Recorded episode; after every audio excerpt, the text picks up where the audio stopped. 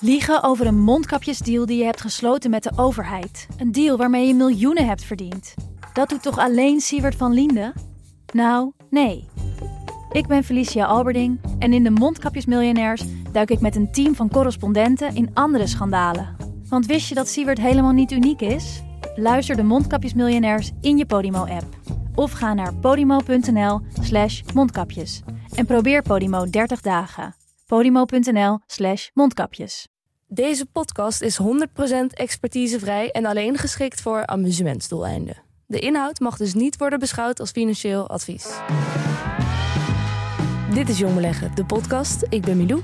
En ik ben Dennis. In deze aflevering hebben we het over schuld. Ja, en dat is heel essentieel voor de groei bijvoorbeeld. Maar het kan natuurlijk ook problematisch worden. Ja, bijvoorbeeld als het niet meer terug te betalen valt, al die schulden.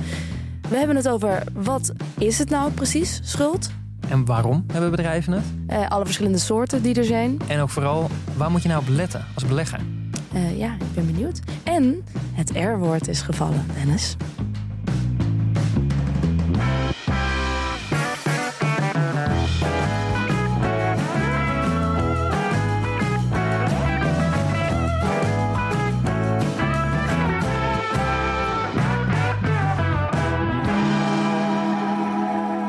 Dennis, gefeliciteerd. we, zitten, we zitten in een recessie, althans. Dat zegt eh, de ING-hoofdeconoom, Marieke Blom. Ja, Een, een milde recessie, ja. economische recessie. Dat is toch dat we twee kwartalen achter elkaar een krimp hebben gehad hè, in, van de economie. ja, klopt. Hoe voel jij je? Nou, ik, ik, ik, ik voel dat nog niet zo. Jij wel? Nou, eh, ik wist wel dat het slecht ging. En ik zat eigenlijk wel een beetje te wachten tot dat woord zou vallen, recessie. Ik heb overigens wel altijd hele positieve connotaties bij het woord recessie. Waarom? Mijn favoriete tweedehands kledingwinkel in Groningen, die heette De Recessie. Oh, Volgens mij zit hij er nog. Ga erheen als je in Groningen bent. Ehm, dus de, daar, maar dat was echt een fantastische winkel. Ehm, maar dit is wel minder leuk natuurlijk. Nou dat ligt eraan. Want e- eigenlijk, eh, goed beschouwd, zit ook wel goed nieuws. Mm. Want we willen natuurlijk dat die economie een beetje afkoelt. Ja, Ehm, dat willen we. Daardoor gaan die prijzen weer wat zakken. Dan krijg je weer wat maatschappelijke rust. arbeidsmarkt komt wat meer eh, eh, tot bedaren, zeg maar. Dan kunnen we weer mensen aannemen. Ehm, dus deze is niet zo erg. En vooral, kijk, als je je baan houdt... en dat is wat nu eigenlijk aan het gebeuren is... toch een beetje recessie, het koelt allemaal een beetje af... maar de meeste mensen houden gewoon hun baan. Ehm, Oké. ja. Dat is wel een unieke recessie in die zin dan ook. Weinig Ja, werkloosheid. Ja. Is het officieel een recessie ook volgens jou? Nee, volgens mij zegt de hoofdeconoom van ING... Die, die, die zegt dat we eh, nu waarschijnlijk op het kantelpunt zitten... en dat we waarschijnlijk in een recessie zitten... maar volgens mij is het niet gebaseerd nog op CBS-cijfers of zo. Oh, dat hebben we nog niet gezien. Oké, dat moet nog bewezen worden dan. Ja. Nou, we wachten het af, eh Marieke. Ehm, verder ook gefeliciteerd met natuurlijk aanstaande zaterdag... dat we in een kleine komedie staan. Jij komt ook even ten tonele Ja, zeker. met een eigen onderwerp. Wordt fantastisch. Kan niet anders. Er zijn nog kaarten. Niet heel veel, maar er zijn nog kaarten. Ja. Nou, dat wou ik ook nog even gezegd hebben. Maar eh, wat we nu verder de rest van de aflevering gaan doen... is het hebben over schuld. Ja. Dat is een onderwerp dat we, waar we al even naar uitkijken. We hadden het al een paar keer aangekondigd namelijk. Ehm, nu echt. Nu Nu echt. gaan we het echt doen. Waarom moeten we het hierover hebben? Volgens jou? Het is gewoon een heel belangrijk onderdeel van eh, eh, bedrijven. Het is hoog nodig voor de meeste bedrijven ook. Om schuld te hebben. Ja, je hebt maar twee manieren Ja. om aan geld te komen. Of van je aandeelhouders, van de eigenaren of eh, eh, lenen. Want ik weet nog wel, voordat ik überhaupt nog met beleggen bezig was... heb ik me echt afgevraagd van... Hè, hoe kan dat nou? Een bedrijf, bijvoorbeeld met Uber in die tijd... was vijf jaar geleden of zo, speelde dat heel erg. Uber had enorme schulden, maakte nog helemaal geen winst... Mhm. En ik dacht, hè, hoe, hoe kan dat eigenlijk? Hoe, hoe kan dat houdbaar zijn? Waarom doet een bedrijf dat? En waarom zou een investeerder er nog in gaan zitten als hij weet dat hij al dat- als er al enorme schulden zijn? Is dat niet gewoon een zinkend schip wat je net drijvend probeert te houden? Een goede vraag. Eh, Het zou kunnen, maar vaak is het zo. En dat is natuurlijk bij Uber gebeurd. En dat zag je bij Just Eat ook. Die heeft ook, ook schulden aangetrokken. Ehm, die waren natuurlijk heel erg aan het groeien. En die gebruikten dat geld om te investeren. Ja, En als de belofte is en de verwachting is dat er uiteindelijk winst gemaakt wordt. En dus de kans dat die schulden terugbetaald worden betaald gewoon groot is. Dan willen mensen er wel geld in stoppen. ja. En dat is een beetje is wat gebeurt. Ja. ja. Ehm, tegelijkertijd is dat natuurlijk wel risicovol. Want als die winst niet gaat komen of als het uitblijft. Dan kan het misgaan. En dat zag je natuurlijk. In ieder geval dat risico werd groter bij Just Eat.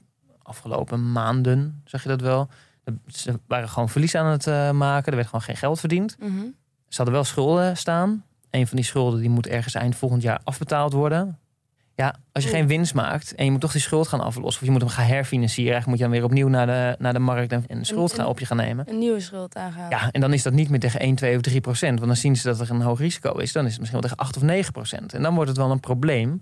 Want dan raak je natuurlijk met je verlieslatende bedrijf van de regen de drup. Ja, want dan doe je weer nog grotere toezeggingen. eh, Wat je dan ook weer niet kan betalen. Dan moet je weer nieuwe leningen. En dat is een, ja. Precies, en rente gaat omhoog, dus dan, dan is winst nog verder weg. Nou, Ja. is het bij Just Eat, lijkt het allemaal wel goed te zijn gekomen. Ze hebben ook een, eh, een belang in eh iFood, hebben ze verkocht. Er komt anderhalf tot, tot 1,8 miljard binnen. Mm. Dus het gaat wel weer goed komen, Mhm. ehm, zoals het er nu uitziet. Maar je ziet wel dat die zorg dan in één keer wel ontstaat. Ja. Winstgevendheid gecombineerd met je schulden aflossen. Ja, oké. Dus het is iets wat bedrijven goed kunnen gebruiken. En wat goed kan gaan, maar eh, schuld kan ook slecht zijn. Als ik het even heel kort samenvat. Ja, en als je hem helemaal zwart-wit slaat, is die, die schulden, eh, dat zorgt of voor grotere groei en dus meer winst. Ja. eh, of voor faillissement. Ja, Dat zijn wel de uitersten waarbinnen het beweegt. het is bergopwaarts of bergafwaarts. Yes. Duidelijk. Oké, wat we vandaag gaan doen is leren om de diagnose zelf te stellen met betrekking tot schuld bij een bedrijf wat we analyseren. In ieder geval hoe we er naar kunnen kijken. Ja. En dan eerst wil jij het hebben over die plaats van schuld. ja, dat is misschien wel even goed om, om in ieder geval te beginnen. Je hebt natuurlijk, als je naar een bedrijf kijkt, dan hebben ze die hebben allemaal een balans. Mhm. Er staan drie dingen op. Aan de linkerkant staat, staan al je bezittingen, Assets. je assets, precies. En aan de andere kant staat hoe je dat gefinancierd hebt.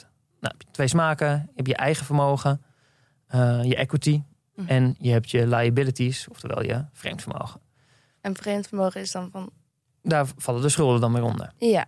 Maar of investeerders lijkt me, of niet? Mm, nee, Maar die, dat is toch. Oh. dat, is, dat is het eigen vermogen. De aandeel- aandeelhouders die, die, die nou, dat zijn, zou je kunnen zeggen, de geven- verschaffers van het eigen vermogen. Ja, want zij, zij zijn ook eigenaar natuurlijk en aandeelhouders. Ja, Ja. oké. Ja. Ja. Eh, en eh, onder, onder de liabilities valt van alles. Ook eh, de, facturen die je nog moet betalen. En, en ook, de, ehm, ook dat is vreemd vermogen. Is iets wat je nog verschuldigd bent aan een ander. Maar het is niet per se schuld. ja. Schuld is een onderdeel van je vermogen. En aan de andere kant zitten dus de, de assets. Wat bijvoorbeeld bij Just Eat zo'n iFood zou zijn. Dat is dingen die ze hebben Ja, die zelf. Die ze in geld zouden kunnen omzetten als ze dat willen verkopen. Ja. Maar ja, dus het zijn dingen, ook een pand bijvoorbeeld. Alle apparatuur, eh, personeel. Nee, personeel staat niet op de balans. Nee, ik ben nooit Oh, eigenaar nee. van personeel. Dat was het. ja, precies. Die hebben we al een keertje gehad. ja, inderdaad. Ik dacht, dacht er was iets met personeel. Dat Ja. was het dus. Oké, fout. Eh, ja, Ja, en, als je, en dat is ook als je nu al eh, luistert en, en denkt van... nou, ik ben nu eigenlijk al een beetje afgehaakt met de hele balans en liabilities en assets. Daar hebben we natuurlijk een aflevering van gemaakt, aflevering 63. Die gaat daarover.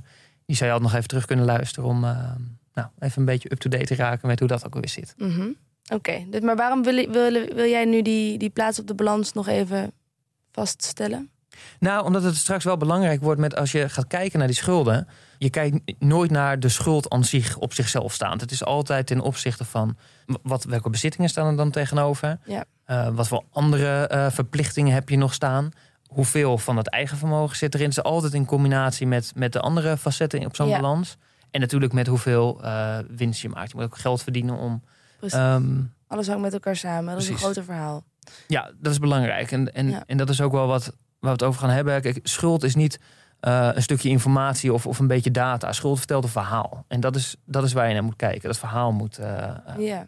je kunnen snappen. ja. En als ik dan denk aan schuld en toch een beetje dat negatieve aura wat er omheen hangt. Ja. eh, van ja, schuld is op bepaalde mate goed, maar je moet er niet te veel van hebben. Dus je wil dat, nou ja, eigenlijk zo, je wil er zo min mogelijk van hebben.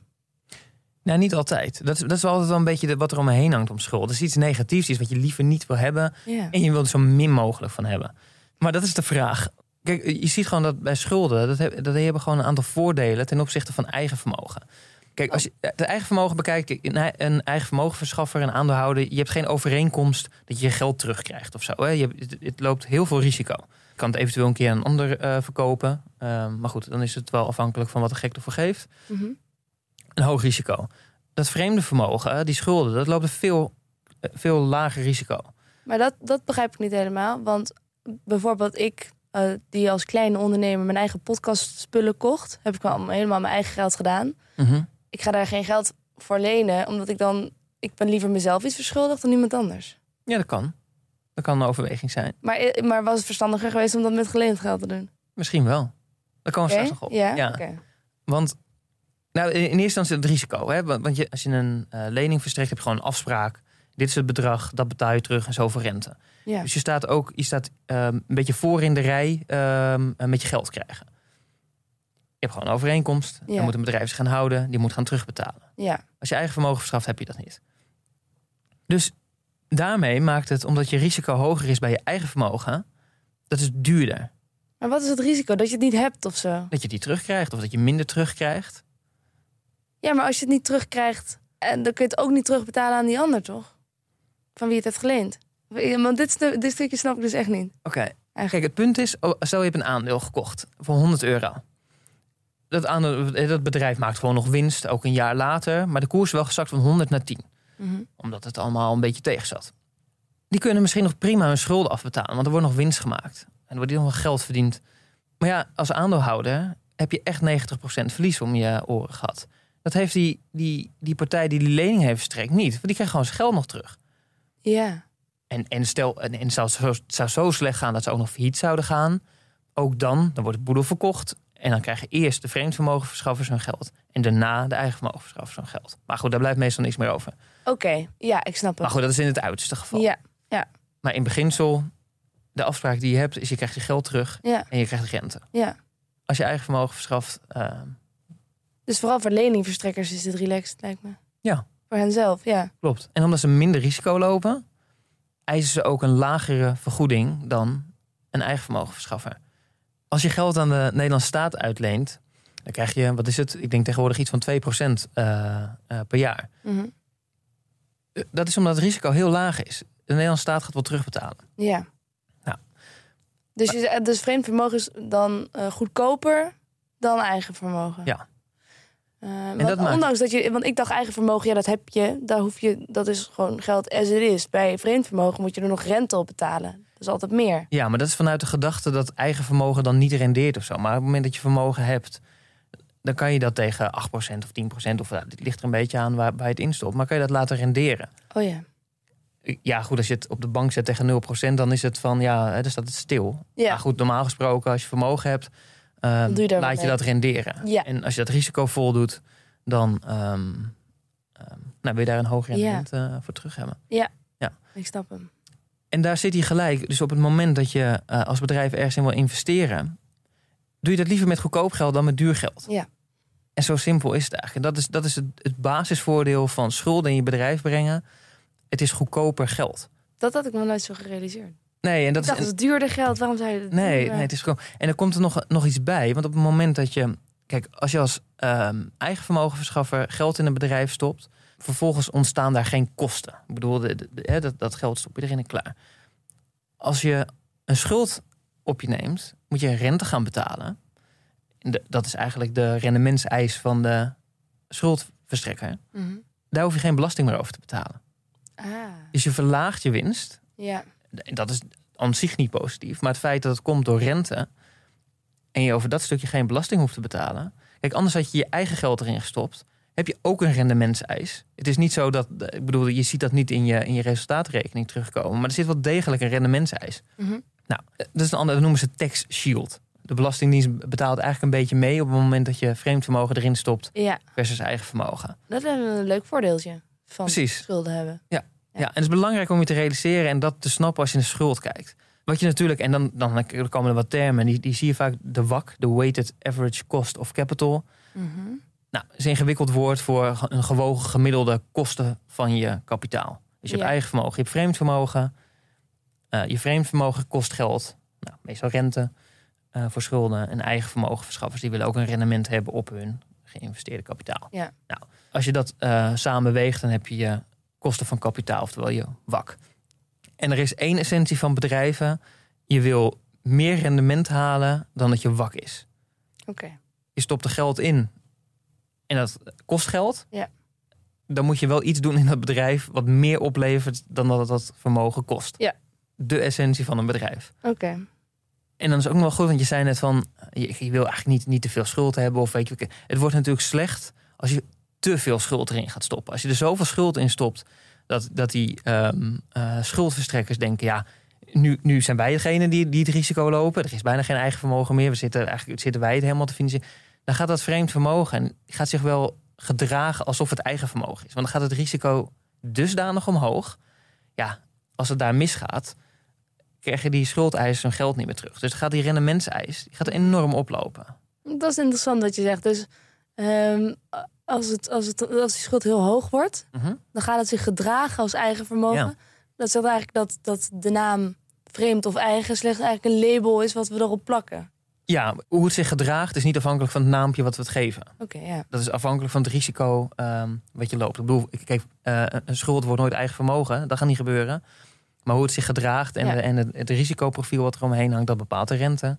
Ja, oké. Dus je zou ook niet zeggen stop maar volledig vol met schuld omdat het zoveel goedkoper is. Want op een gegeven moment komt er een soort kantelpunt Ja, absoluut. waar het risico weer heel hoog wordt. Ja, en eh, als bedrijf wil je eigenlijk de, de optimale mix hebben, waardoor je wacht, je, de kosten van je vermogen zo laag mogelijk is. Dus Ja. je moet zoveel schuld instoppen dat het nog goedkoop blijft. Ja, Maar goed, niet te weinig, niet te veel. En dat is een eh, balans die ze moeten zoeken. een sweet spot zou Pim dat noemen. Precies dat. Ja. Ja. ja. Nou, een- aardige case die je maakt voor dat, dat eh, schulden aangaan toch wel degelijk eh, rendabel kan zijn. En, en slim ook als bedrijf. Ja. Op, op welke manieren kun je als bedrijf allemaal zo'n schuld aangaan of opbouwen? Ja, dat is van alles. Je hebt, je hebt eigenlijk je hebt grofweg vier typen schuld ehm, die je terugziet bij een bedrijf. Oké. En dat is eigenlijk niet heel veel anders dan dat je thuis ook hebt. Het is vrij eenvoudig. Ze gebruiken er allemaal andere woorden voor. En daardoor lijkt het vaak wat ingewikkeld, maar dat is het niet. Thuis kan je lenen van je vrienden of familie bijvoorbeeld. Mhm. Als je iets wil aanschaffen, iets groter, wil je voor jezelf beginnen. Dat soort zaken. Dan sluit je die lening af voor een langere tijd. Je betaalt waarschijnlijk rente en op datum X moet je iets afbetalen. En bedrijven doen dat ook. Alleen daar noemen we het bonds of notes of in het Nederlands obligaties. Een bedrijf gaat ook naar zijn vrienden en familie. Ja, nou goed, het is, vaak kennen ze dan niet, hebben ze een obligatie uitgegeven. Maar goed, dan ga je gewoon aan, aan het publiek. Aan, eh, ja, oké. dus het is niet daadwerkelijk dat je het inderdaad aan je vrienden uitleent. Maar Precies, je Ja. zet het op de markt en mensen die, eh, ehm, die lenen dat geld dan uit. Ja. bonds, notes of obligaties. Ja. Kijk, mijn bedrijf doet het eigenlijk altijd met, ehm, die heeft diverse eh, bonds lopen. Mhm. meestal. Eh, verschillende looptijden, verschillende ingangsdata. eh, en dus ook verschillende eh, rentepercentages. En dat is vooral deels omdat je natuurlijk door de tijd heen gewoon andere financieringsbehoeften hebt, maar ook om het risico te spreiden. Dus ook strategisch. Ja, absoluut. Ja. En je ziet ook. Als je, Waarom spreid je risico als je een, verschillende looptijden hebt die op verschillende dagen aflopen? Nou, stel je had 2,5 jaar geleden al je vreemd vermogen allemaal eh, vastgezet, allemaal bonds aangegaan, alles in één keer. Dan had je heel weinig rente betaald. Maar stel dat die volgend jaar eh, gaan aflopen en de rente is nu aan het stijgen, dan krijg je in één keer de klap. Oh ja. En wat je niet wil als bedrijf is dat je eh, gaat speculeren als het ware met de rentestanden en met je, met je leningenportefeuille. Nee. Dat wil je niet. Dan wil je gewoon een stabiel en veilig ehm, eh, beleid op hebben. Een soort dollar cost averaging dus met, met bonds. Juist, ja, Dat is het. Ja. Ehm, en je ziet in, in jaarrekeningen zie je het ook gewoon staan. Je ziet die, ik heb in de show notes heb ik twee voorbeeldjes staan. Eentje van eh, Heidelberg Cement en de ander van Berry Global. Dat zijn twee voorbeelden. Best kapitaalintensieve bedrijven met veel bonds. En daar zie je gewoon zie je de ingangsdatum staan, wanneer die afloopt en het rentepercentage. En daar zie je ook dat het en goed gespreid is in tijd eh, en in eh, rentepercentages. Eh, maar dan zie je dus ook dat het heel erg schommelt. Dus tussen minder dan een procent en meer dan, dan 4, 5 procent. Ja. En dit maakt ook dat het effect van rente, van een rentestijging... het is niet zo dat als de rente stijgt... dat bedrijven gelijk één op één meer rente gaan betalen. Nee, precies. Het meeste staat het gewoon slim vast. eh, gespreid. Ja, precies. Ja, oké. Ja. Oké, dus dit is één vorm van schuld die je als bedrijf aan kan gaan. Ja. Next. Ja, dan heb je, ehm, eh, zoals je thuis doet, een tikkie. Je schiet soms gewoon even wat voor. Of iemand is er pas vergeten. Ehm, het, het, het kan, nou, mag, kan ook nog zijn dat je eh, een week geld leent... omdat je salaris op is of zo. Ja. krijg je later een tikkie van iemand. Maar de- nu hebben we het dus over eh, ehm, geld lenen zonder rente. En, Of, of heel weinig. Oké. Heel weinig, omdat het heel kort is. Het is Ja. eventjes. Ja. Dus rente speelt nou, een minimale rol. Oké. Maar, maar je wil het wel hebben, want je wil niet de hele tijd als bedrijf eh, grote hoeveelheden cash op de balans hebben staan. Ehm, om, om een beetje je voorraad op te kunnen bouwen. Of, of tijdelijke ups en downs. Je wil gewoon een soort van ehm, een tikkie af en toe kunnen versturen. Van Ja. oh ja, weet je, nu heb ik een klein beetje nodig. En dat is een commercial paper program. Zo wordt het bijna altijd genoemd. Ja.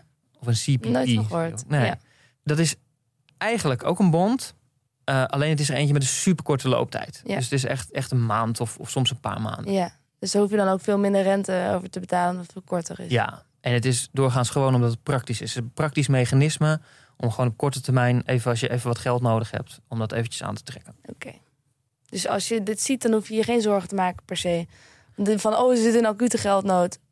Nee, nee, nee. Het Dit is gebeurt, normaal. het gebeurt dagelijks, wekelijks dat bedrijven eh, even geld inkopen. En eh, dat, dat is eh, vrij gebruikelijk. Ja, en want ze weten dan ook dat het snel weer wat oplevert, blijkbaar. Zodat ze het weer terug kunnen geven. Nou, of het is praktisch als je net een, gro- een aantal grote orders aan het inleggen bent eh, om, om spullen in te kopen, om je magazijn te vullen, ehm, om wat voor reden dan ook, eh, dan is het handig dat je op dat moment even cash hebt. En als je voor al dat soort fluctuaties elke keer ehm, of naar je aandeelhouders moet, eh, dat is niet handig. Eh, daar, daar zitten aandeelhouders niet op te wachten. Je wil ook niet hele bergen cash op je balans hebben wat niks staat te doen. Ja, Dus je wil zo min mogelijk cash. Ja. Eh, want dat is meestal dood Ehm, maar goed, dan heb je dus wel even wat ehm, flexibiliteit nodig met je financiering. Ehm, ja, en dan heb je nog de, de creditcard variant als het ware Mhm. bij bedrijven. En dat is, dat is een beetje zoals een creditcard of een doorlopend krediet bijvoorbeeld. Hè. De keer bij de bank gewoon afsluiten. Eh, dat doen bedrijven ook. Een bedrijf noemde dan ineens een revolving credit facility. Een RCF. En, en dat, dat, dit is een soort kreukelzone die je eigenlijk hebt. een kreukelzone. Een kreukelzone. Ja, dus op het moment dat je in één keer forse tegenwind krijgt. Eh, of het nou een grote recessie is of eh grote Hele hoge energieprijzen. hoge energieprijzen. Ehm, de- wat het ook is, maar dat je denkt, ik heb nu geld nodig. Eh, Dus een, een, het is een kredietfaciliteit, net als een doorlopend krediet of een creditcard. Het is, als je een creditcard hebt, heb je niet automatisch een schuld. Dat is pas als je het hebt opgenomen. Ja, Maar je hebt wel al een faciliteit ja. De om geld uit te trekken. Ja, En dit zijn niet de kleine beetjes voor ehm, ehm, eh, een maandje meer en minder voorraad. Dit is, het loopt vaak in de honderden miljoenen of miljarden. Maar die, en met een looptijd van meerdere jaren. Dus je hebt meerdere jaren het recht om die faciliteit te kunnen gebruiken. ah. En klinkt spannend. ja, en die is belangrijk, want het kan natuurlijk als het heel erg tegen zit. En mensen krijgen ook wat minder vertrouwen en die winsten die zakken. Als je dan de markt op moet om geld te lenen, dan wordt het heel duur geld. Dus je wil gewoon in normale, reguliere of in goede tijden, wil je deze faciliteiten afsluiten. Met voorwaarden die je van tevoren bepaalt, met een looptijd die wat langer is. Ja. Dat als je het nodig hebt, dat je het kan gebruiken. Ja. Ja, precies. Maar dan heb je de rest eigenlijk niet meer nodig als je dit hebt, zou je zeggen. J- Jawel, want eh, voor sommige zaken weet je, eh, kijk, je vastgoed moet je gefinancierd hebben. Als je wil uitbreiden, dan heb je financiering nodig.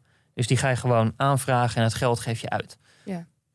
Dit is de kreukelzone voor als je een ongeluk krijgt. Ook nog nooit van gehoord. Deze die gebeurt wel regelmatig hoor. Want Kion bijvoorbeeld, die ehm, kwam onlangs. De, de winst blijft nog enigszins op peil, ondanks de recessie en, en allerlei problemen. Maar omdat ze heel erg de voorraad moeten aan het opbouwen zijn door al die toeleveringsproblemen, gaat die cashflow die wordt zwaar negatief. Honderden miljoenen negatief. Maar die hebben nog een, zo'n RCF staan van een miljard. Daar hebben ze nog geen euro van uitgegeven. Oké. Dus op vragen ook van analisten van ja, hoe, hoe- gaan jullie dat doen? Hè, met, een, met een cashflow van honderden miljoenen negatief. Ja, die, die hebben dit. Die hebben een commercial paper program lopen en een RCF lopen. Ja. En daar hebben ze nog geen, eh, geen euro van uitgegeven. Dus er is een hele grote buffer. En dat, dat maakt de zorg gewoon wat minder. Een soort appeltje voor de dorst. En dan heb je nog categorie 4. Ehm, ja, en dat is gewoon lenen bij de bank. Ja, zoals je dat thuis ook doet. Een termloan. Zo staat het meestal op een balans. Ehm, en die heeft wel wat voordelen ten opzichte van die bonds. Want ze zijn vergelijkbaar natuurlijk. Bij een bond Ja. zet je het op de markt en leen je van nou, eh, de, de mensen die daar eh, eh, geld voor beschikbaar willen stellen. Bij een bank heb je natuurlijk één partij. Dat is een voordeel. Je, je hoeft niet een administratief proces door. Het is vrij duur om een bond op de markt te zetten. Je moet het ook nog adverteren. Je moet genoeg animo verzorgen. Bij de bank heb je gewoon een, een, een contactpersoon. Die maakt afspraken en je leent geld.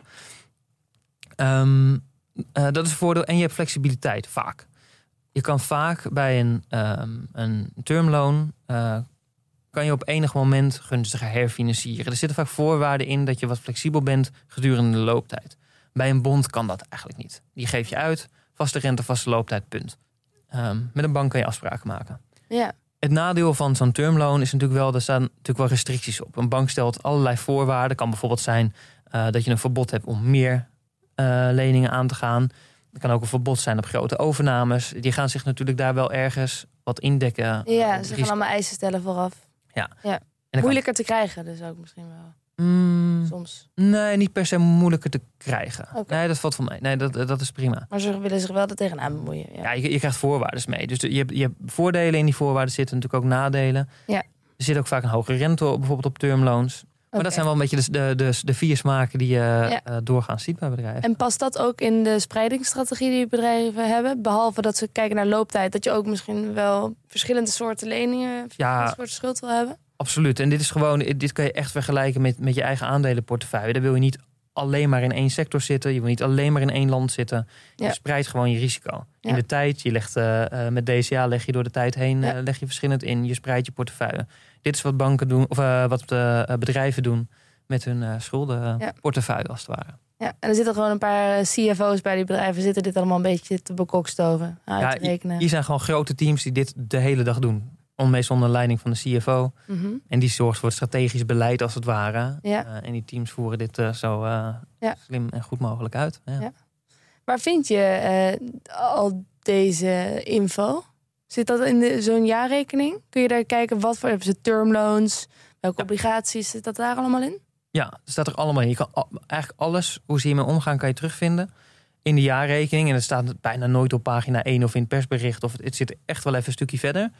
Ehm, maar goed, dan is Ctrl-F zeg maar gewoon eh, je beste vriend Ja. in, ehm, eh, in PDF. Ja, tuurlijk. Ja. Dus je zoekt even op de termen. Kijk, en elk bedrijf heeft net, net even een ander termpje of een, eh, een woordje er wel of niet tussen. Zoek eventjes naar welke term ze gebruiken. En je vindt in het hele document wel waar staat, Ja. hoeveel ze hebben, wat ze hebben. En ook hoe ze ermee omgaan. Er staat ook altijd in de risicoparagraaf staat er iets over eh, hoe ze omgaan met de risico's van rente, van financiering. Er, staat, er, staat best, er is best veel te vinden over hoe ze ermee omgaan.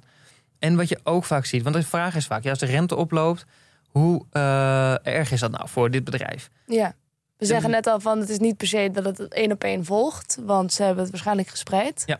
Dus maar hoe kun je zien hoe, hoe erg het is inderdaad? Ja, en de meeste bedrijven zeggen daar ook iets over in de jaarrekening. Vaak zijn het korte stukjes. Maar er staat in de show notes heb ik ook een voorbeeldje gezet van als de rente met 50 basispunten stijgt, dan heeft het eh, zoveel miljoen effect op onze jaarrekening of op ons resultaat. Ja.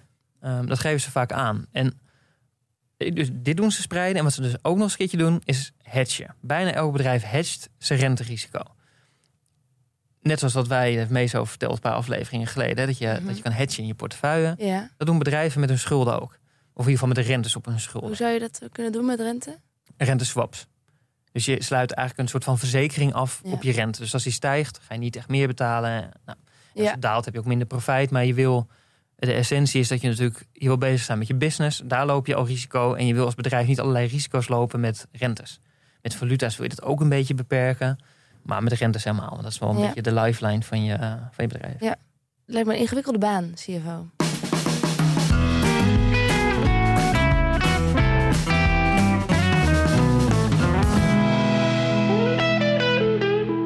Laten we het daar eens over hebben. Hoe ga je nu kijken van is een schuld goed of fout? Of Mhm. gaat een bedrijf ten onder of blijft het drijven? Ja, dit is wel eentje die, die is volgens mij belangrijk. Het, is, het lijkt lastig, maar weet je, het lijkt ook lastig omdat het meeste wat je erover leest is vaak van, eh er komen de ratio's. Nu komen echt de ratio's om de hoek. Hè. Vaak dan lees je, ja, als dit, eh, dit is x, is, of wat is het, Ehm, hoger dan ratio x ten opzichte van y, hè, dan is het goed. Of als het eh, lager is dan dit, dan, dan valt het mee. Of weet je, je ziet allemaal van dat soort eh, en dan komen er allemaal, dan komt er een eh, debt-to-EBITDA ratio, een current ratio, interest coverage ratio, debt-to-equity ratio. Je hebt, je hebt tal van zaken ehm, die schuld beoordelen eigenlijk. Ja. En elke ratio, als je gaat zoeken op internet, zit er wel van, dit is goed en deze waarde is slecht.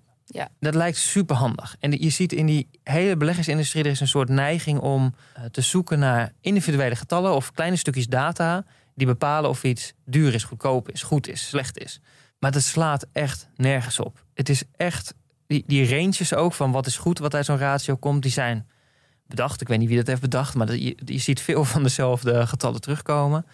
Ehm, maar je hebt er echt niet zoveel aan. Hmm. Eh, Dat hele schuldenstuk bij bedrijven, dat is echt een verhaal. Een verhaal wat je moet zien in relatie tot tal van andere dingen. En niet moet vastpinnen op een ratio met een getalletje eruit. En Je moet het altijd interpreteren door alles in acht te nemen wat er omheen speelt. Altijd. Ja. En we hebben de vorige aflevering het over het proces gehad. Dat stukje ratio's zitten er geen één van in mijn proces. Geen één. Ik bekijk er geen één. Het is eh, nul. Ook niet eens om, om je te helpen signaleren. Nee, ook niet. Nee. Nee. nee. nee kijk, kijk je van, huh, er is super weinig eigen vermogen, veel, eh, eh, veel schulden. Hoe zit dat? Maar dan ga je zoeken naar het verhaal. Kijk, je, ziet dat wel. Maar zo'n ratio, dat is niet, niet het begin van je analyse en helemaal geen conclusie. Nee, oké. Die is belangrijk. Ehm, Waar kijk jij dan wel naar? Waar kijk ik wel naar? Ja. Er zijn allemaal vragen die heel erg ook wel terugvoeren op die fundamentele analyse. Het is wat voor bedrijf is het? Is het cyclisch of niet? Eh, wat staat er verder op de balans? Eh, hoe ziet dat eruit? En wat zijn de vooruitzichten? Wat zijn de plannen voor de lange termijn? Hoe willen ze die plannen gaan realiseren? Hoe willen ze dat financieren? En de antwoord op al die vragen, dat bepaalt wat ik van de schuld vind. Ja. En dat is ook een beetje. eh, we doen net alsof dat in een bedrijf super ingewikkeld is. Alleen als je dat verplaatst naar gewoon een huissituatie, dan is het eigenlijk heel simpel en het werkt niet anders. In hypotheek, als je hypotheek veel hoger is dan de waarde van je huis, doorgaans is dat slecht. Maar als ik iemand een hypotheek heb verstrekt en die heeft een goed inkomen en een vaste baan en die heeft al tien jaar werkervaring en betaalt gewoon netjes zijn rente en, en zijn aflossing, ja, dan is het niet zo slecht. Dan is het een best prima schuld. En Ook voor de huiseigenaar? ja, het is misschien een beetje zonde. Ja. een beetje te veel geleend, eh, eh, dat klopt. Maar, Maar ja, het gaat, niemand gaat omvallen. nee, als Het je huis stort niet in en jij raakt niet failliet en dakloos. precies. Dus eh, het verhaal bepaalt altijd wel ehm, eh, wat je ervan vindt. Met rente precies hetzelfde. Ja. Als de rente heel hard oploopt en je hebt de rente gewoon voor 10 of 20 jaar vaststaan, is het ook niet zo spannend. Oplopende rente is niet gelijk een schuldenproblematiek. Mhm. Nou, weet je, en zo kan je er natuurlijk tal van voorbeelden eh, Ja. kan je verzinnen. En zo werkt het bij bedrijven ook. Ja. Dat is niet anders. Nee, kijk naar het grote plaatje. En dan is ook, omdat het hele plaatje zo belangrijk is, en we hadden het net al over, weet je, het management of de CFO en de teams eronder, die eh, managen al dat geld eigenlijk, hè? in ieder geval die financieringsstromen en schulden. Het allerbelangrijkste in het analyseren van schulden is kijken naar het management. Mhm. En je moet er, en dat is belangrijk, je moet erop kunnen vertrouwen dat ze daar de slimme en juiste en risicoaverse keuzes maken Ja. ten aanzien van schuld. Maar waarom zou jij het beter weten dan zij? Ja, dat, dat weet denk je ik niet. dan. Nee. En dat is precies, precies waarom je moet kunnen eh, nou, leunen op eh, kennis, expertise Ja. van het management. En je moet ze kunnen vertrouwen. Ja. Echt cruciaal. Als, Ja. daar, als daar ook maar een klein scheurtje in zit, als je denkt van nou, weet je, ik vertrouw de management niet helemaal. Of klopt dit nou wel wat ze zeggen? Of het is, het is eerder al een keertje misgegaan. Dus zeiden ze A, maar het werd B. Ja, dan is, er, dan is de analyse dan simpel. Dan verkoop ik het aandeel. Ja. Wat ik er verder ook van vind. Want anders ben ik aan het hopen eh, dat het maar goed komt. Heb je een voorbeeld daarvan? Van dat je ooit een keer management niet vertrouwde?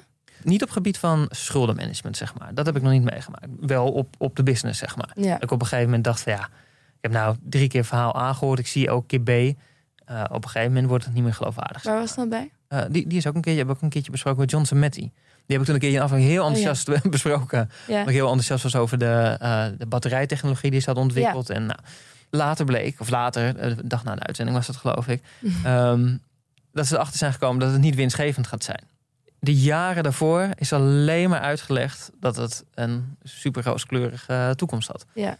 Nou, dat, dat bleek niet zo te zijn. Eh, uiteindelijk is de CEO moest ook opstappen. Dus er is natuurlijk ook wel. Ja, dat is een, een punt. Daar kan je gewoon niet meer vertrouwen op dat wat ze. En dat is misschien is niet altijd eh, eh, fraude of zo, hè, of, of, of liegen. Maar het is in ieder geval mismanagement, zou je kunnen zeggen. Ja. Of onkunde misschien wel. Ja. Waardoor je niet meer kan vertrouwen op kennis en kunde van management. Nee, Ja. misschien met de beste bedoelingen, maar het is onbetrouwbaar. Nou, en hoe kan je dat, dat zien met management? Ik bedoel, je kan management analyseren waar ook heel veel eh, informatie zit, zit in die earnings calls.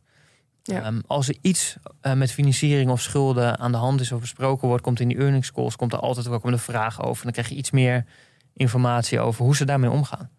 Oké, en als je het management dus niet vertrouwt, dan moet je verkopen. Doe ik het, dan, dan verkoop ik in ieder geval. Ja, Oké. dat is het. Nou, en dan heb je een aantal, als je echt naar de balans gaat kijken. Dus je gaat even zelf analyse doen. Even, je laat even het management los en je gaat zelf eh, analyseren. Je hebt een, dat noemen ze gouden balansregel. En wat het eigenlijk stelt, is dat je de looptijd van je vermogen moet gelijk zijn aan de looptijd van je bezittingen, zeg maar. En dat is zo simpel als als je fabrieken hebt staan. Dan kun je dat prima met lange schulden financieren. Maar als je voorraad hebt, wil je daar niet een lening eh, tegenover hebben staan die tien jaar loopt of zo. Dat is een beetje een gekke verbinding. Ja. En nou is op die gouden balansregel kan je nog wel wat, uh, ah, zijn, er zitten wel wat haken en ogen aan. Maar de essentie voor mij is wel dat als je kijkt naar die uh, balans en je ziet best wel veel schuld staan, korte schuld. Maar je ziet ook dat ze heel veel voorraden hebben en heel veel nog te ontvangen bedragen. En wellicht nog wel wat cash op de balans.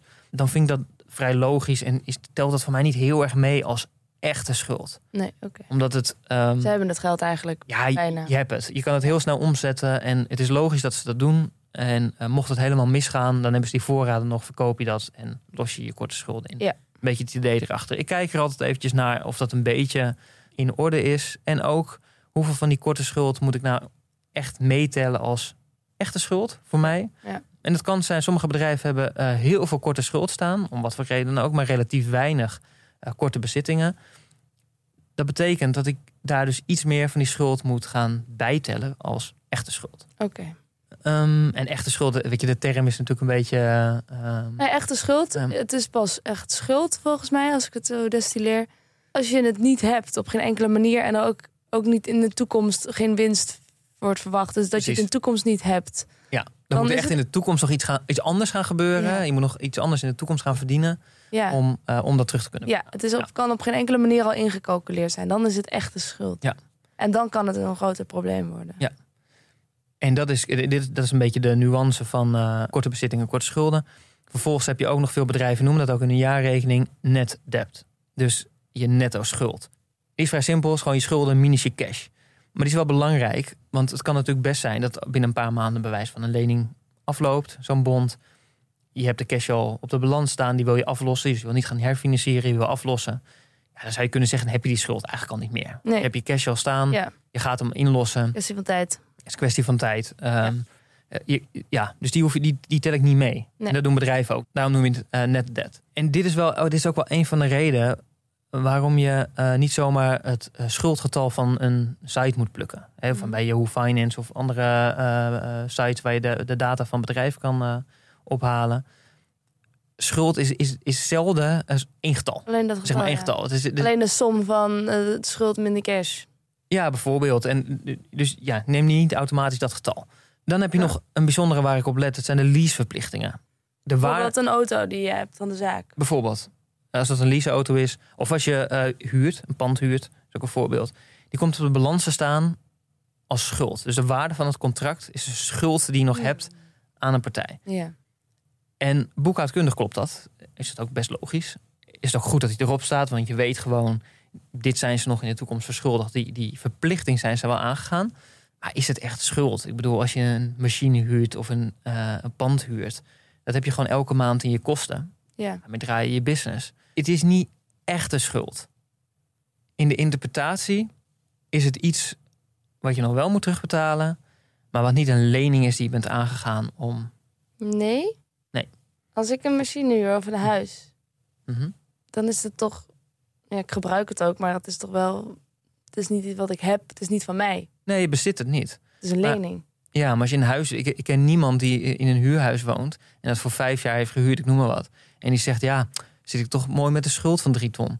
Nee. Dat, dat, dat- weet je, dat heb je. Ja. En bedrijfsmatig heb je dat eigenlijk ook niet. Je hebt, je hebt alleen de verplichting aangegaan. Het is natuurlijk wel zo. En daarom is het belangrijk dat hij erop staat. En zo kijken er ook naar. Als de winsten in elkaar storten, of het wordt zelfs verlies. En je ziet dat de komende jaren dat ze daar ook niet zo snel uit gaan komen. En je ziet wel al die verplichtingen staan die ze nog Ja. in de komende jaren echt wel moeten gaan betalen. Dan wordt hij wel interessant. Dus Ja. het is wel goed om hem te weten. Ja. Het is goed om hem mee te nemen in je analyse van schulden. Maar in het verhaal. Maar dit is precies wat ik bedoel. Dit is het verhaal. En dit is ook een reden waarom je ook niet zomaar het getal van Yahoo Finance moet plukken. Want dit maakt onderdeel uit van het hele verhaal. Je kan niet zeggen, het hoort, je moet het niet per se optellen. Want dat is vaak de vraag. Moet je dat nou bijtellen of niet? Ja. Dat is een verkeerde vraag. Je moet het er niet eraf trekken. Je moet er ook niet bijtellen. Je moet het zien voor wat het is. Ja. Het zijn verplichtingen die je hebt naar de toekomst toe. Ja, oké.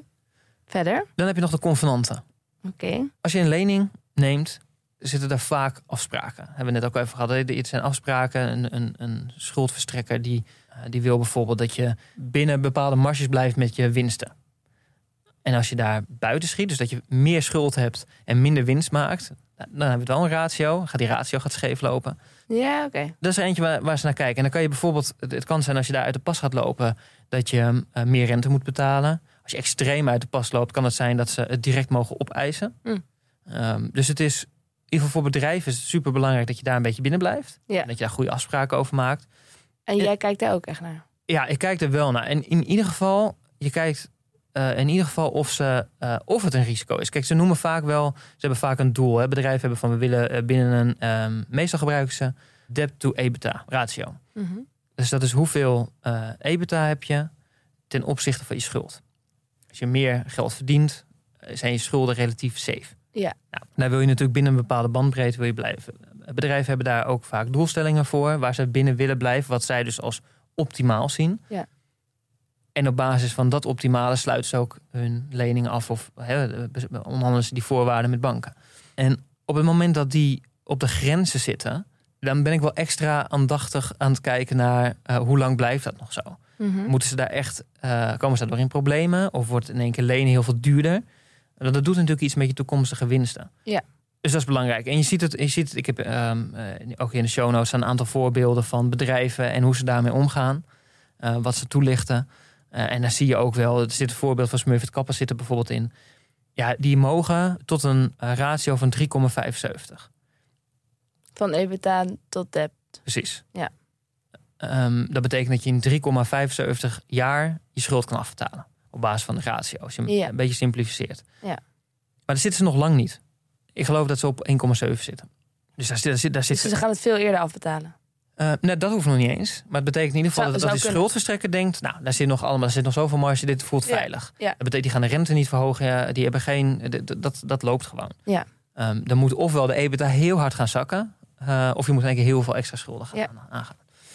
Dus jij gaat al die afspraken die ze onderling hebben gemaakt doorlezen. Ik lees niet alle afspraken. Want als je, als je dat eh, document leest, zeg maar, welke, wel, dat zijn soms al 200 of 300 Ja, pagina's. ik kan me voorstellen. Ja. Die, die ga ik niet lezen. Oké. Ehm, en dat is waarom je vertrouwt op het management. ja. Ik loop wel altijd even langs eh, welke ratio's hanteert die eh, bank nou, op welke ratio's zit het bedrijf en hoe zit dat ongeveer. ja, dus je, je gaat niet ratio's gebruiken om zelf een beoordeling te maken, maar meer je gaat het bedrijf toetsen aan de hand van zijn eigen ratio's. En dit is ook, kijk, banken gebruiken deze ratio natuurlijk wel, omdat ze niet afhankelijk willen zijn van de individuele medewerker die toevallig werkt. Die Ja. denkt van, oh, nou vind ik het een beetje hoog. Nee, dan gebruik je het als bewijs. ja, van, precies. En je moet ja, afspraken maken in een contract. En dan moet je natuurlijk wel wat opnemen. Ja. En niet een of andere eh, Van subjectief Plus eh, minus, eh, nee. als het goed voelt. afhankelijk. Nee. Ja. Ehm, dus dat is logisch. En ik denk ook dat daar ergens het, de hang naar dat soort ratio's ook een beetje naar beleggers is overgeslagen. Ehm, maar goed, ik heb geen Ja. contracten als eh, aandeelhouder met bedrijven over eh EBITDA-ratio's. Oké, dus tot zover de convenanten. Is er nog Ja. meer? Waar je naar kijkt? En dan komt natuurlijk ook super belangrijk. Nee, je kijkt gewoon naar de schuld ten opzichte van wat er binnenkomt. Hoeveel geld er wordt verdiend. Ja. Want dat bepaalt of je terug, terug kan betalen. Is dat de En- EBITDA niet? Ja, het ligt eraan. Je kan, wat er verdiend wordt, kan je natuurlijk in tal van. Het is een Ja. EBITDA, maar dat is voor je afschrijvingen. Je Ja. kan naar netto winst kijken. Je kan naar cashflow kijken. Ook niet heel onbelangrijk, want uiteindelijk moet je natuurlijk je rente betalen. Ja. eh, met cash en niet met winst. Hè? Dat is, zo simpel is het ook. Ja. Dus je kijkt naar winst, EBITDA. de- Ook het verhaal van verdienen ze nou geld? Ja. En die is ook, hè, als je eh, eh, 10 euro verdient per jaar en je schuld is 100, ja, dan, dan duurt dat echt super lang totdat je dat hebt terugbetaald. Dan wordt het Ja. wel, wel lastig. Maar als je je hele schuld tussen de 1 en de 3 jaar gewoon kan terugbetalen, mocht het nodig zijn, ja, dat, dat voelt heel comfortabel. Ja. Dat, dat zie je en dat voel je over het algemeen wel aan. Maar kan zo'n Uber dat dan bijvoorbeeld, zolang die nog geen winst maakt? Nou, ja, waarschijnlijk niet. Ehm, alleen daar is natuurlijk altijd het verhaal met de verwachting dat ze winst gaan maken. Hebben ze meer geduld? Ja, het is natuurlijk altijd gaat erom wat je in de toekomst gaat verdienen. En niet wat je gisteren of eh, eh, vorig jaar hebt verdiend. Ja, maar als je lening afloopt, Ja, dan heb je of een probleem, of je moet herfinancieren. eh, of je moet herfinancieren en dan wordt het heel erg duur. Ja. Kan het heel erg duur worden. Als je, als je vooruitzichten echt inzakken, dan wordt dat heel erg duur. Ja. Ja, maar deze, die, deze was super belangrijk. En dat is, dit, is, dit is ook het voorbeeld dat we in het begin hadden met Just Eat. Op het moment dat, dat beleggers, of in ieder geval vermogenverschaffers, niet meer zeker zijn dat die winsten gemaakt gaan worden. Ja, Ja. dan gaan ze niet zo gauw eh, geld aan je lenen. Nee, nee, precies. Ehm, en hier is het ook, als je kijkt naar wat ze verdienen. Kijk, tuurlijk, er komt een keer een recessie. Er gaat een keertje minder geld verdiend worden. Dat is allemaal geen drama als dat tijdelijk is. En hier ga je dus ook weer kijken of ze zo'n kredietfaciliteit hebben. Hoe groot is die? Wat kunnen ze dan opvangen? Als ze moeten herfinancieren, hebben ze dan gelijk, gelijk een probleem? Want moet er eh, opnieuw gefinancierd worden? Of is er nog genoeg cash? Of kan, kan die eh, ehm, kredietfaciliteit nog uitkomst bieden voor een jaar bijvoorbeeld? D- Dit maakt het verhaal af. Hoeveel, hoeveel wordt er verdiend? Ja, oké. En dan kijk je natuurlijk ook naar hoeveel rente betaalt het bedrijf nu. Wat zijn de verwachtingen voor de toekomst? En hoe groot is het effect? Kijk, Apple heeft ook leningen. Maar de rente die ze betalen en de winst die ze maken... dat is echt een druppel op een gloeiende plaat. Ja. Ehm, daar maakt het niet zoveel uit. Oké. Er zijn ook bedrijven die een klein beetje winst maken. En dat komt omdat het meeste geld aan eh, rente op schuld gaat. Nou, is eentje om eh, te zien en te snappen. En in het hele schuldenverhaal te... Ja, dat hele schuldenverhaal, man. Het klinkt allemaal als best wel, best wel veel werk. Ja, dat is, in het begin is dat het wel, denk ik. Ik denk helemaal als je, dat, als je dit nog nooit hebt gedaan of, of niet echt... en je moet dat de eerste paar keer doen, ben je er wel even mee bezig. Het is, het, het is niet heel snel even gedaan. Als je tien keer hebt gedaan, twintig keer hebt gedaan... en je belegt inmiddels een paar jaar... dus elke keer zie je het ook terug hoe die schuld zich ontwikkelt... dan krijg je daar gewoon... Ja, het is een automatisme en wat gevoel voor... en vind je dat vrij snel. En heb je het gevoel dat je dan dat dit soort dingen dan ook met, met zekerheid kan concluderen? Hoeveel zekerheid moet je hebben voor jezelf? Is het een gevoel? Het, het lijkt me geen harde wetenschap. Nee, is het ook niet. En het is, en het, maar dat is met alles. Hoe betrouwbaar is het management? Hoe zeker Ja. zijn de toekomstige winsten? Hoe eh, gunstig zijn die schulden? Hoe gunstig zijn ze gefinancierd? Het is altijd een subjectief geheel, waar schulden een superbelangrijk onderdeel van zijn. Mhm. Dus kan je hem hard maken? Nee, dat kan niet. Nee. Het is een beetje waar we het vorige keer ook over hebben- hadden met eh, die possibilities en probabilities. Het is hier niet gaat goed, gaat fout. Of is te veel of is te weinig. Maar het is een, een mengsel van alles. Daar stop je ook Ja. schulden in. Het is een onderdeel van je verhaal. Ja. En uiteindelijk, ook als je gaat waarderen, want dat is misschien wel waar hem uiteindelijk ook nog wel naartoe redeneert, is op het moment dat je eh, je groei gaat modelleren in je discounted cashflow model, die veel gebruikt wordt. Als je heel veel groei in hebt zitten, maar het bedrijf heeft torenhoge schulden, ja, dan moet je wel afvragen hoe, hoe gaan ze dat financieren dan? Er zijn maar Ja. weinig bedrijven die heel hard kunnen groeien alleen maar organisch. Ja. Dat, heeft, dat heeft Google heel lang gekund en, en Meta ook, maar de meeste bedrijven hebben echt financiering nodig om te groeien. Ja. Dus weeg dat wel af. Als je, eh, als dat je, ze moet in de koers ingeprijsd worden. nou, je moet in ieder geval, als je eh, de komende vijf jaar of tien jaar denkt dat het eh 15 of 20 procent gaat groeien, die winsten, ja, waar, waar komt dat vandaan dan? Het kan zelden dat het alleen maar organisch gaat. Ja. Door alleen maar prijzen te kunnen verhogen of dat de klanten automatisch aankomen waaien. Vaak moet je een fabriek neerzetten, je moet marketingcampagnes, je hebt geld nodig eh, om groei te financieren. Ja. Dus ook dat verhaal moet logisch zijn. Ja. Ehm, en, en ook vind je het dan nog steeds interessant, want als er heel veel schulden aangaan en de winst groeit wel, hoe staat het bedrijf nou over drie of vier jaar voor? En is het dan nog steeds wel zo aantrekkelijk? Of wordt het dan een keer risicovol? Dat is eentje die, die, die bak je mee in je waardering. Aan de andere kant, en die is echt belangrijk, wordt echt vaak over het hoofd gezien. Op het moment dat er heel veel schulden zijn en die moeten afgebouwd worden. Dat is op zich niet zoveel mis mee. Hè? Ik bedoel, dat is gewoon verstandig om te doen. Alleen die cashflows, die gaan niet naar jou als aandeelhouder, niet als dividend, niet om ehm, aandelen terug te kopen. Het wordt ook niet herinvesteerd voor groei. Het gaat in de bodemloze put, in het zwarte gat van schulden afbetalen. Dat geld verdwijnt. Die kan je niet meerekenen in je waardering, want het is niet van jou als aandeelhouder. Mhm. Dus kijk heel goed naar. eh, je ziet dat nu bij- eh, eh, luchtvaartmaatschappijen bijvoorbeeld. Daar heb ik er ook eentje van in mijn portefeuille. Die verdienen wel weer geld. Maar dat geld gaat allemaal naar schulden aflossen. Die hebben in die coronaperiode enorme schulden opgebouwd. Niks mis mee. Maar goed dat ze het hebben gedaan. Maar dat moet eerst afgelost worden. En daarna gaat het pas weer naar aandeelhouders. Ja. Dat is belangrijk. Oké. Gaat dit meestal allemaal goed? Kom jij meestal tot goede conclusies? Van oh, schuld is niet zo'n groot probleem? Ehm, ja, meestal wel. Meestal wel. Kijk, het is zelden. want Dat is ook mensen zien schulden als slecht. Dus gaan kijken naar kan deze schuld problematisch worden. Dat is hetzelfde het geval. Meestal zitten er goede managers, zitten goede CFO's, zitten de mensen die opgeleid zijn om dit de hele dag te doen. Ja. Gaan ze daar best verstandig mee om. Dat is meestal. Het is interessanter, niet om te zoeken naar, oh, gaat dit, kan dit helemaal misgaan? Dat, dat zie je meestal wel gauw genoeg.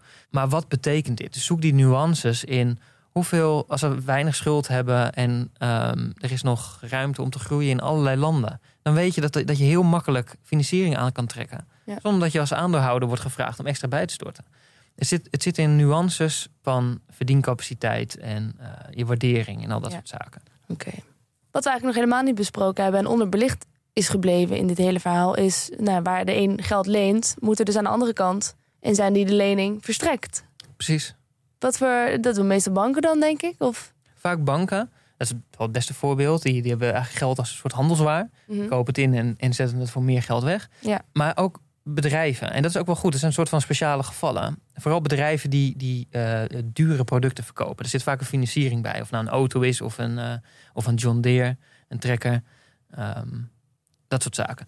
Dan, die verkopen een financiering mee. Maar ook die bedrijven, BMW, die moet eerst het geld inkopen en daarna eh, lenen ze het weer uit. Hoe bedoel je financiering mee verkopen? Dus stel dat ik als particulier een trekker wil kopen, Eh, ja, dan koop ik ook de financiering. nee, dat hoeft niet, maar dat kan. Als je denkt van ja, ik- heb, ik heb het geld niet voor die trekker. Oh, dan Eh, werken zij mee en dat kan dan via, dat regelen zij voor je. Ja, en dan betaal je de lening aan het bedrijf waar je Ja. de auto of de trekker hebt gekocht. Ja. Maar wat er natuurlijk gebeurt bij die bedrijven is dat ze enorm veel geld moeten aantrekken. Dus lenen en vervolgens lenen ze het ook weer uit. Als je bij BMW op de balans gaat kijken, of je gaat naar Yahoo Finance en je haalt daar het eerste getal van de, van de site, dan zie je dat die schuld enorm is. Dat is echt Ah. gigantisch. Ja. Maar het overgrote deel daarvan is gewoon ingekocht geld, wat ze hebben doorverkocht aan klanten. Die dat ook weer gaan het terugbetalen. weer terugbetalen. Het is relatief dat lijkt me een veilig. complicerende factor.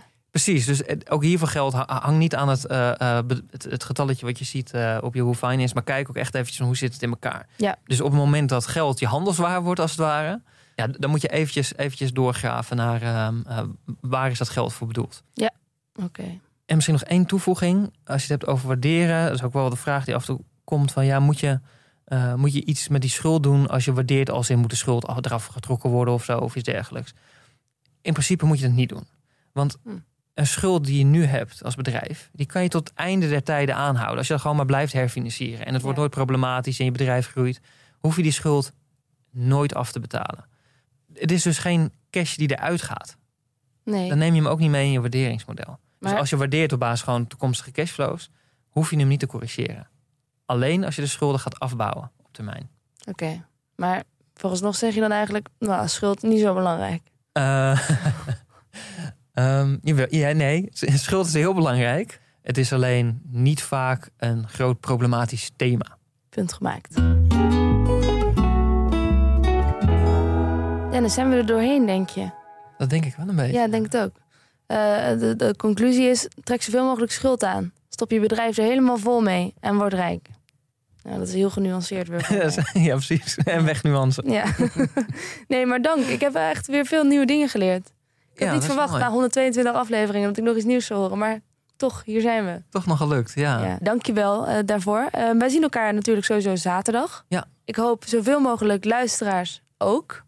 Gezellige borrel achteraf ook nog. Ik Nou, was echt, gezellig, dat moet nog maar blijken. Maar in ieder geval is er een borrel achteraf. natuurlijk wordt het een gezellige borrel. In de kleine Ja. comedie zelf. Ja, en er zijn nog een paar kaartjes beschikbaar. Dus ik zou echt zeggen, Ja, kom erbij. ja. Ehm, kijk even in de show notes. Of op www.kleinecomedie.nl en dan iets met jong beleggen. Daar moet je het ongetwijfeld eh, kunnen vinden. Ehm, volgende week zit ik hier weer met Pim. En dan eh, zullen wij ongetwijfeld een beetje terugblikken op deze eh, nu al legendarische middag in de kleine comedie. Dank Dennis. Heel nu? graag gedaan. Tot de volgende keer. En dan zeg ik tegen jullie, lieve luisteraars, investeer in je kennis en beleg met beleid.